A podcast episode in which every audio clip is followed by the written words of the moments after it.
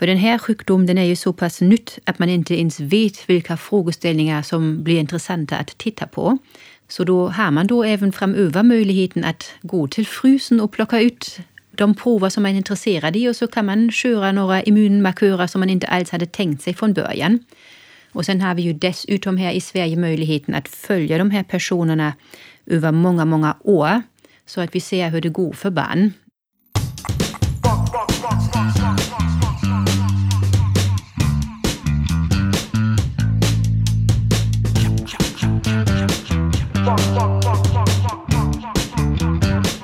Hej och välkomna till Akademiliv, eh, en podd från Göteborgs universitet som görs av oss kommunikatörer vid den medicinska fakulteten Sahlgrenska akademin. Idag med mig Susanne Westergren. Och med mig Elin Lindström. Under året så har vi gjort flera intervjuer där forskare har gett olika perspektiv på den här pågående pandemin. Och idag ska vi prata om ett nytt stort forskningsprojekt som kallas COPE där väldigt många forskningskliniker runt om i landet deltar och som handlar om att reda ut eh, hur covid-19 påverkar gravida kvinnor och deras nyfödda barn. Och med oss för att berätta om den här forskningen så har vi Carolina Lindén och Verena Sengpil som är några forskarna eh, bakom den här studien. Välkomna hit! Tack! Tack så mycket! Det är ju en jättestor studie som ni har satt igång. Varför är det så viktigt att undersöka just det här? Alltså det var ju en helt ny sjukdom, så från början visste vi ju inte hur vi skulle ta hand om våra patienter. Och då var det ju frågor om har de större risk att bli allvarligt sjuka? Hur ska vi övervaka graviditeten om man har haft covid-19 när de varit gravid? Hur ska vi förlösa dem om de skulle ha aktiv covid-19? Då är det ju så med vissa andra virussjukdomar förespråkar man ju att göra ett kejsarsnitt för att inte ska barnet ska smittas just under förlossning. Sen var det frågor som ska mamma och barn separeras efter förlossning? Är det okej okay att hon ammar? Så det var oändligt många ställningstaganden som vi behövde göra utan att vi hade något underlag som berättade för oss hur vi ska göra. Hur ser det ut i förlossningsvården idag? Hur har man anpassat sig efter pandemin? Det ser ju lite olika ut landet runt, men jag tror att egentligen samtliga sjukhus har infört ett besöksförbud och den gäller ju då också på förlossningsklinikerna så att partners inte får följa med på besök under mödrahälsovården till ultraljudsbesök. Sen tror jag att det är samtliga sjukhus som tillåter att just partnern eller den andra föräldern följer med till förlossning. Men inte överallt i landet får ju partnern följa med till bebisen. Mm. Ja, och sen försöker man ju separera covidpatienter från andra patienter och personal har ju skyddskläder och så. Men så görs ju inom all sjukvård. Så det är annorlunda att föda barn idag? Ja, det är det. Mm.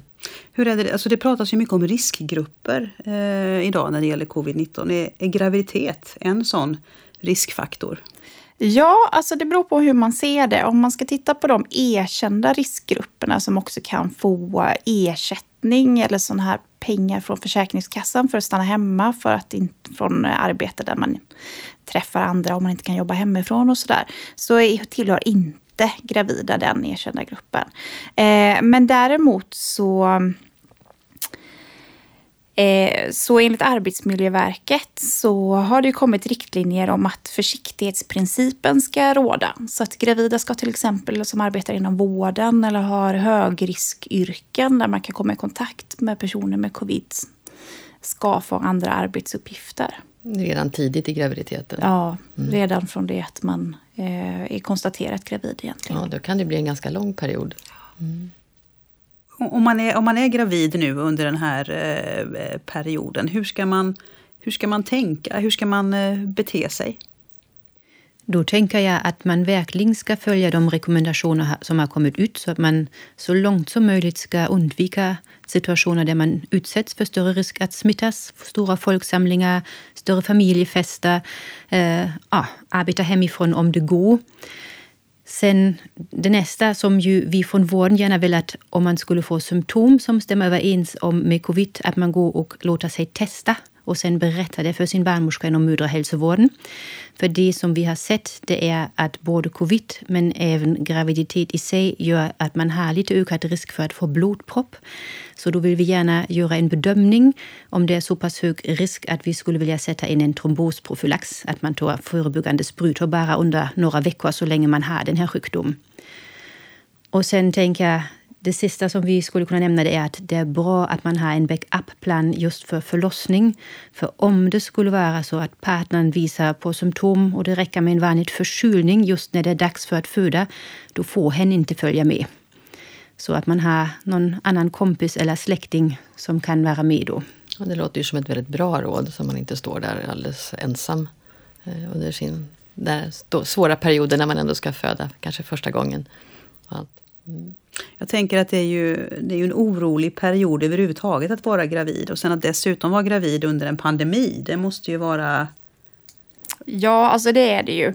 Och viss oro under en graviditet är ju normalt, även i vanliga fall. Och det kan ju också göra att man skyddar barnet lite extra. Man undviker extra risker. Man kanske inte eh, men håller på med extremsport till exempel när man är gravid. Och den oron är normal. Men ibland kan man ju se att om man har stark oro under en graviditet, då kan det påverka graviditetsutfallet också, hur man samspelar med sitt barn efteråt.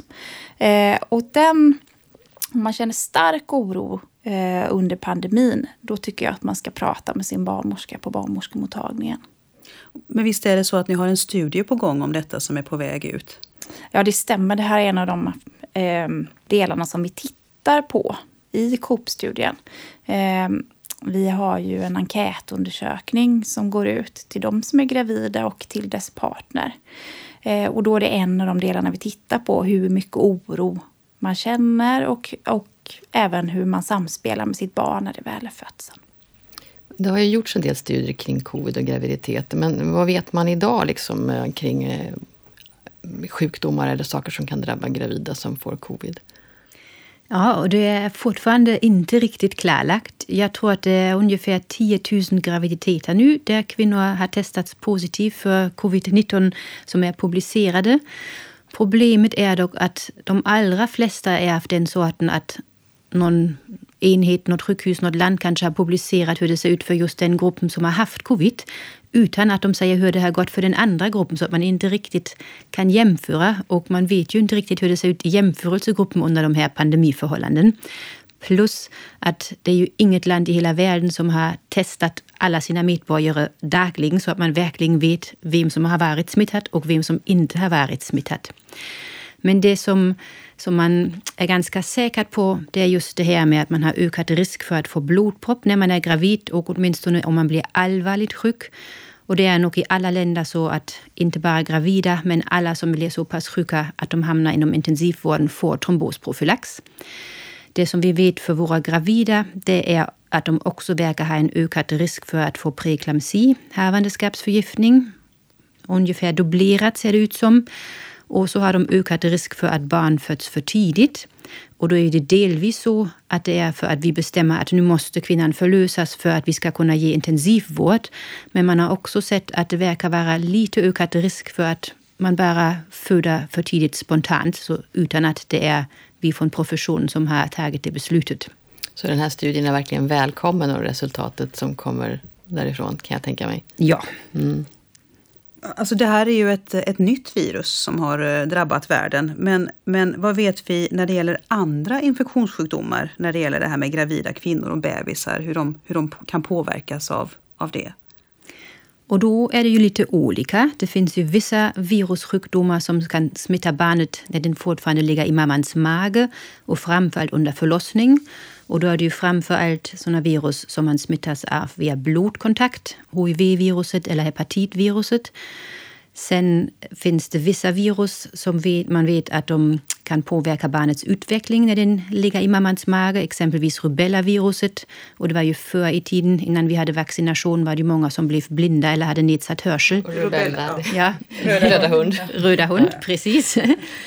Um, och sen vet man också, även om det är något virussjukdom där viruset inte direkt gå över på barnet, men att mamman utsätts för en infektion med allt vad det innebär för hennes immunförsvar, så finns det studier som i alla fall på populationsnivå tyder på att det kan vara ökad risk för neuropsykiatrisk sjukdom, autism, depression då hos barnet längre fram i barnets liv. Och det här är något ni ska undersöka nu också på djupet när det gäller covid? Ja, då har vi ju förmånen just i Sverige, och det har man inte i så många andra länder, att vi genom våra fina hälsoregister ju kan följa upp den här populationen som är med i COPE-studien nu under många, många år. Så att vi kan gå in i registren om 20-30 år och titta hur går det för de här barnen som har varit utsatt för covid-smitta när de låg i mammans mage. Mm.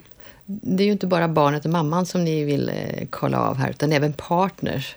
Liksom, hur, hur tänker ni kring det och hur kommer ni undersöka hur de mår? Ja, nej men alltså Vården har ju förändrats jättemycket för att vi ska minimera risken för smitta. Och som eh, Verena pratade om i början här så handlar det ju mycket om att eh, vi utestänger partnern eller den andra blivande föräldern från mycket av vården. Man får inte vara med på ultraljud, man får inte komma på barnmorskebesök och liknande. Och, eh, vi vet sedan innan tidigare forskning att eh, ja, men den, den föräldern som inte är gravid känner sig oftast, eh, eller ja, ofta, men ibland känner de sig eh, åsidosatta och att de inte riktigt blir sedda i sin föräldraroll. Vilket kan ha, spela roll för hur de knyter an till sitt barn och hur de eh, hur deras relation med barnet ser ut framåt. Så därför kändes det väldigt viktigt att de också skulle få sin röst hörd i studien.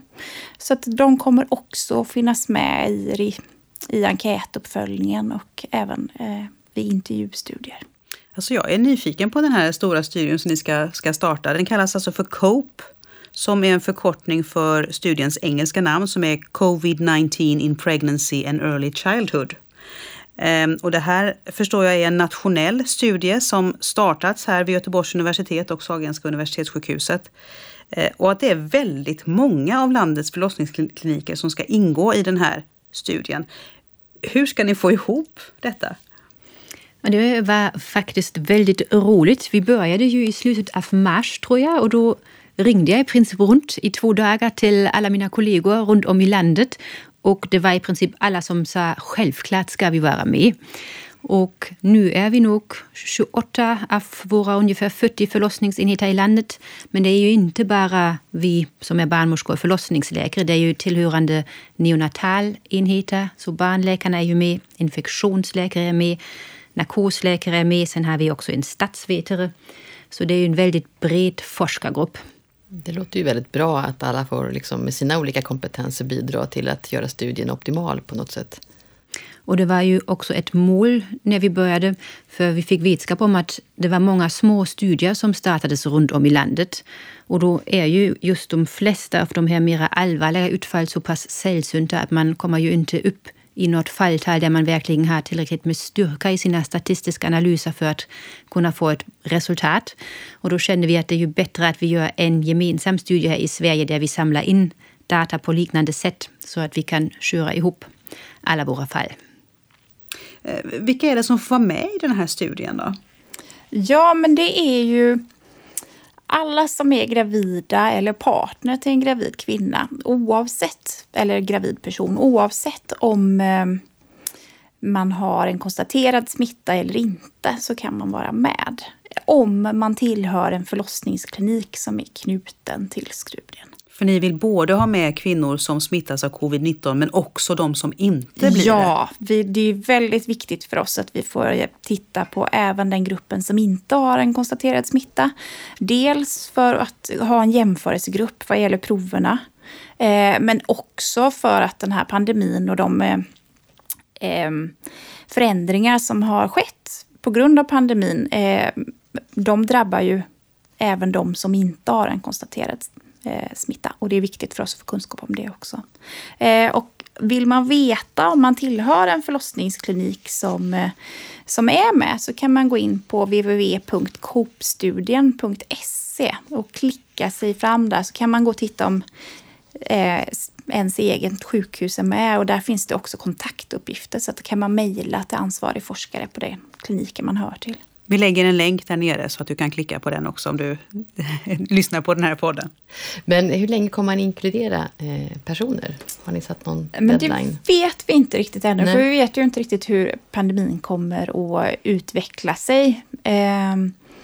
Eh, Men det vi har sagt med proverna är väl att vi gör ett första uttag. Eh, proverna analyseras inte direkt utan de sparas i en så kallad biobank. Jag vet inte, Verena, vill du ta över och förklara ja, om biobanken? Det kanske du skulle kunna bara berätta vad, det här med prover. Det är lite prover som tas och så lite enkäter. Så hur ser studien ut? Ja, ja. Eh, jo, men den består av eh, olika delar, ja det stämmer. Eh, dels så är det en enkätundersökning eh, som går ut. Man får svara någon gång under graviditeten. Man kan inkluderas fram till det dygnet man föder barn. Och sen så kommer det att vara enkätuppföljning under barnets, lev, levnad, eh, barnets första levnadsår. Och då är de enkäterna både till den som har fött och till den andra föräldern. Och sen finns det även en eh, blodprovstagning. Ehm, och med andra prover, det är till exempel en sån här bomullstups i näsan. Men Verena, jag tror att du ska få ta det om proverna. Det kan jag gärna göra. Precis. Och då ser provtagning lite annorlunda ut beroende på om man är en kvinna som är i den här screeninggruppen, alltså de där vi inte vet om de har blivit smittade med viruset och de som är i covidgruppen. När man tillhör den här gruppen som vi kallar för screeninggrupp så tar vi ett blodprov i samband med att man går med i studien och ett blodprov i samband med förlossning. Och så tar vi ett blodprov från navelsträngen så barnet blir inte utsatt för några stick i den gruppen. Mamman får lämna ett sånt här prov från näsan i samband med förlossning. Det som vi är ute efter med de här proverna i första hand, det är för att se om det finns viruset och om det finns antikroppar mot viruset. När det gäller kvinnor i covidgruppen, då vill vi gärna ta några fler prover och det är just för att kunna studera den här risken för att barnet ska smittas. Så när kvinnan är akut sjuk, då vill vi ju helst inkludera henne direkt när hon är sjuk. Då tar vi också de här proverna, svapp från näsan och blodprov. Men så tar vi även en svapp från slidan och från ändtarmsöppning, för det är ju ungefär där som barnet skulle födas om det var förlossningsdags. Och så lämnar kvinnan ett urinprov. Sen när hon kommer till förlossning, då tar vi samma prover en gång till. Återigen ett navelsträngsprov från barnet. Om det skulle bli ett kejsarsnitt så kommer vi också ta ett fostervattenprov och om kvinnan får en spinalbedövning, vilket man ju i princip alltid får när man gör ett kejsarsnitt, så samlar vi in lite extra spinalvätska. Och det tror vi kommer bli jättespännande prover just med tanke på att man har sett att det finns ja, ett sjukdomstillstånd efter covid där man är trött väldigt länge. Där vi ju jättegärna skulle vilja titta på lite markörer i just den här spinalvätskan. Sen följer vi barnen när de kommer till det här PKU-provet några dagar efter förlossning. Då vill vi ta svabbar från barnet för att se om den har smittats med viruset. Och så lämnar mamman ett mjölkprov just för att se om man har virus eller antikroppar i mjölken. Och så tar vi ett blodprov på båda två ungefär två månader efter förlossning. Så det blir ju ett extra stick då för både mamma och barn, men då kan man få sån här plåster med bedövningssalva innan så att det inte känns. Det här att ni svabbar i, i slidan och vid ändtarmsöppningen. Jag, jag, vet ju i ett internationellt perspektiv att, eh, att eh, gravida kvinnor som har konstaterat covid-19 får kejsarsnitt. Ehm, I Sverige är inte det lika absolut att det blir på det sättet utan man gör en bedömning. Eh, vad, vad, finns det för eh, belägg för att, att bebisar kan smittas den vägen, alltså i samband med, med en vaginal förlossning? För covid-19 finns det nog inga eh, riktigt entydiga belägg eh, eh, än. Äh, än. Det finns ju för annan, framförallt blodburen smitta som hepatit eller HIV, att det kan ske. Men just med covid-19 är provtagning i de fallen som har blivit publicerade inte tillräckligt noggrann för att kunna uttala sig om det är en så kallad vertikal smitta, alltså att barnet har smittats när det var i mammans mage, eller intrapartal, just under förlossning, eller om det var en tidigt transversal smitta, vilket betyder att mamman har smittat barnet efter att den har varit född. Men med ert studieupplägg så kommer man kunna få ett svar på detta? Då hoppas vi att vi i alla fall i de fallen där kvinnan är akut sjuk i covid när hon ska föda får de här proverna så att vi kan uttala oss om när smittan har skett. Och då är det så att i Sverige snittar vi ingen bara på grund av att kvinnan har fått covid. Det är fortfarande den obstetriska eller det obstetriska ställningstagandet. Det måste finnas någon annan indikation för att det ska bli kejsarsnitt. Annars får de föda vaginalt. Hur många har ni inkluderat hittills i studien? Nu har jag inte tittat idag, men eh, under veckan var det så där mellan 500 och 600 studiedeltagare alltihop. Och då är ju inte barnen inräknade om man nu vill räkna till dem. Sen eh, är ju de allra, allra flesta i screeninggruppen, men jag tror att det är mellan ja, 150-200 i covidgruppen. Mm, det är så pass många ändå hittills. Hur många vill ni ha i studien för att det ska bli statistiskt signifikant? Ja, men det är väldigt svårt att säga. För mm. att eh, de vanligare eh, sakerna som kan drabba under en graviditet, där kanske vi inte behöver fullt så många. Men de riktigt ovanliga, då får vi ju nästan slå ihop våra resultat med, internationella eh, med andra internationella forskarlag för att kanske få upp tillräckligt styrka för att se. Och det är på gång, ni har sånt samarbete på gång redan? Ja, vi samarbetar till exempel med WHO. Just det, vad innebär ett sånt samarbete? Vad som gäller det här WHO-projektet så har WHO skrivit ett studieprotokoll som är ganska likt vår eget. Men eh, vi var redan igång när de fortfarande höll på att skriva sitt protokoll så därför har vi inte gått med i WHO-studien men fortsatt med COPE-studien.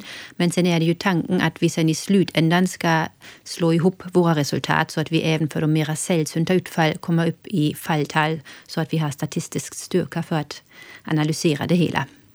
Så ni vet inte än hur länge studien kommer pågå utan det liksom beror lite grann på hur covid yttrar sig om man säger? Både det. Ja. Sen också finansiering, för än så länge har vi inte fått några större anslag. Så hittills har vi gått på det som olika forskare i teamet har haft på olika forskningskonton.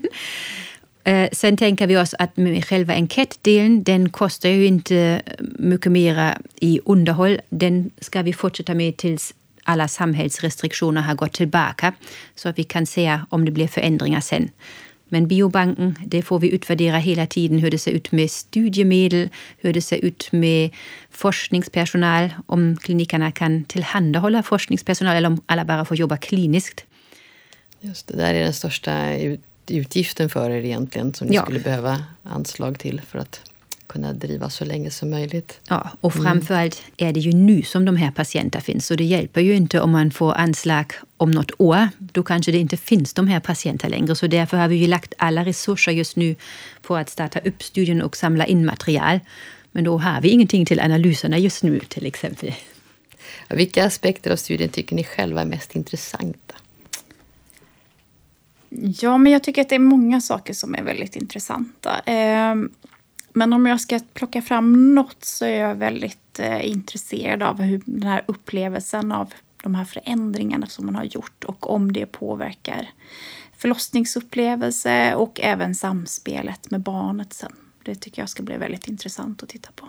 Du menar förhållningsreglerna eller vad ska jag säga? Ja, ja men mm. till exempel att man inte Eh, ja, men oron för att ens partner inte ska kunna följa med till förlossningen. Och de fallen det faktiskt blev så att partnern inte fick följa med till förlossningen. Hur upplevde man förlossningen då när man kanske stod med någon som man inte hade tänkt att ha med sig när man födde barn? Och hur blev det för den som fick vara hemma och som missade sitt... Ja, men eh, om det blev ett kejsarsnitt så kan man ju förlora flera dagar de första dagarna med sitt barn. Hur blev det för den föräldern? Det som vi försöker erbjuda det är ju att partnern, när det just gäller de här besöken, får vara med via telefon till exempel så att den andra partnern får samma information. Och när det är riktigt svåra ställningstaganden, då får ju partnern komma in också. Ja, det var ju bra att man kan vara flexibel ändå där. Jag tycker det låter som att det här är en riktig forskningsguldgruva som ni håller på att bygga upp. Alltså det, det känns som att det finns många potentiella studier att gräva fram ur det här stora materialet som som COPE kommer att eh, bygga upp. Och det tänker jag, det är för min del, det som jag tycker är väldigt spännande med det här projektet, det är ju att vi egentligen inte samlar in för en specifik frågeställning just nu. Vi samlar ju in till en databas och biobank. För den här sjukdomen den är ju så pass nytt att man inte ens vet vilka frågeställningar som blir intressanta att titta på. Så det kommer ju varje vecka hundratals nya publikationer. Så då har man då även framöver möjligheten att gå till frysen och plocka ut de prover som man är intresserad i och så kan man köra några immunmarkörer som man inte alls hade tänkt sig från början. Och sen har vi ju dessutom här i Sverige möjligheten att följa de här personerna över många, många år. så att vi ser hur det går för barn. Det, den möjligheten finns nog inte i så många andra länder. Och sen helt bortsett från det så tror jag ju att den här studien kommer att betyda väldigt mycket för klinisk forskning inom förlossningsvården och neonatalvården i Sverige framöver. Bara för att vi alla har börjat samarbeta på det här sättet nu och har lärt känna varandra på ett annat sätt och eh, utvecklat alla de här instrumenten, metoderna vi har lärt oss hur Biobank Sverige fungerar. Så all den här kunskapen kan vi ju även använda för framtida studier. Det låter, och även andra typer av infektioner eller det eh, behöver inte vara pandemier men andra saker som kommer. Mm. Det låter som ni är i startgroparna till något väldigt viktigt som kan pågå länge och förändrats över tid. Mm. Men tror, tror ni att vi kan börja få höra om resultaten från den här studien? Ja, det beror ju på lite olika saker. Dels beror det ju på finansiering som vi redan var inne på innan, vad vi kan ha råd att börja med. Men vi ska väl försöka göra en första analys efter de 200 som är förlösta i covidgruppen för att titta på vad vi ska titta vidare på. Eh, vad gäller enkäterna så har vi ett första uttag eh, som ska göras nu i vinter. Så får vi se vad det ger och då ska vi samarbeta även med andra studier. Så då ska vi samköra våra resultat med mam 2 studien för att också se om vi kan få en lite större grupp att titta på den första. Vilken, vilken eh, betydelse tror ni att de här eh, resultaten som ni får fram från den här studien skulle kunna få för förlossningsvården? Då tänker jag för det ena att det kan vara de här rent praktiska frågor, om det kan vara indicerat i vissa situationer att göra ett kejsarsnitt eller att separera kvinnan och barnet. Om det exempelvis är så att man skulle se att barnen inte växer så som det är tänkt, de bebisarna som vi kallar för, för small for gestational age, då skulle det vara indicerat att följa de här graviditeterna med ultraljudskontroller, tillväxtkontroller. Men sen kan man ju också tänka i mycket bredare banor eller aspekter när man exempelvis bygger nya sjukhus, att man tänker på att sånt här kan hända. Nu har vi just på Sahlgrenska haft tur att vi bara för några år sedan har fått två egna isoleringsrum. Innan dess hade vi inte ett enda. Det hade inte funkat om vi hade haft det på samma sätt nu. Men det är kanske någonting som man får fundera på, att sjukhusen får byggas på det här sättet. Sen det här med att inte partner får vara med på BB så är det ju hos oss, men så är det exempelvis inte på andra ställen i landet. Och det beror delvis också på att vi har väldigt gamla och trånga lokaler. Det kanske skulle gå att organisera på ett annat sätt om man skulle ta hänsyn till det när man just eh, bygger sjukhus. Sen kan man också tänka sig hur man utbildar personal och hur mycket personal man har anställt kan spela in. För det är ju lite samma sak. Det har ju varit mycket fokus på intensivvården i media, att deras personal måste räcka och vi måste ha tillräckligt många sängar för intensivvården. Men om man tänker sig förlossningsvården och neonatalvården, då är det också vård som måste funka 24 timmar om dygnet. Det Eh, är livet inte bara på en, men på två personer som kan hänga på det. Och klart att det behövs personal. Det går inte att vi går med stora sjuklyckor. Det går inte att passa mer än en eller maximalt två förlossningar samtidigt. Och det fanns det då kanske inte personal att bara kalla in som kunde ta över de här uppgifterna när vår eget personal var sjuk. Så det är ju också någonting som man kan fundera över. Studien ingår i ett nätverk som funnits i många år som heter SNAX. Svenskt nätverk för nationell kliniska studier inom obstetrik och gynekologi. Berätta om detta, vad är SNAX för någonting? Ja, Snacks, och då är jag ju lite biased för nu är jag ordförande för det här nätverket. Men det är verkligen någonting som jag brinner för. Det är ju ett forskningsnätverk som har grundats faktiskt bara 2015, så det är inte så gammalt, inom Svensk förening för obstetrik och gynekologi. Och det är just till för att vi ska ja, förenkla eller stödja samarbetet mellan våra olika kliniker för att kunna driva stora kliniska studier. Där det inte räcker att en enda enhet vill studera något utfall där man aldrig kommer få upp i styrka. Men då har man ju med det här nätverket också fördelen att det blir lättare för mindre sjukhus att delta som inte har den infrastrukturen som en, ett universitet i närheten eh, bjuder på eller som kanske inte har professorer eller docenter bland sina kollegor. Så då blir det lättare för dem också. Och eh, vi kanske också har större möjligheter att eh, föra vår talan ut mot media eller beslutsfattare eller personer som har pengar som man skulle kunna investera i forskning. Så att det, jag tänkte att det startade 2015 och ändå varit väldigt gynnsamt just nu då för att för ni ändå hade ett nätverk som var pågående och fungerande. Ja. Och utan det här nätverket hade det nog inte fungerat. Mm. Vad intressant. Verena Sengpil, Carolina Lindén, tack så hemskt mycket båda två för att ni kom hit. Och till dig som har lyssnat så vill jag tipsa om att vi länkar eh, på eh, eh där du hittar den här podden så hittar du också länkar till eh, dels till COPE-studien, copestudien.se, men också till Snacks som vi har talat om. Och du kan också hitta en länk som går till de här råden till dig som är gravid, hur du bör tänka och hur du bör bete dig nu under pandemin. Eh, och om du vill nå oss på Akademiliv då kan du mejla akademiliv gu.se. Hej då! Hej då! Hej då! Tack! Hej då! Tack.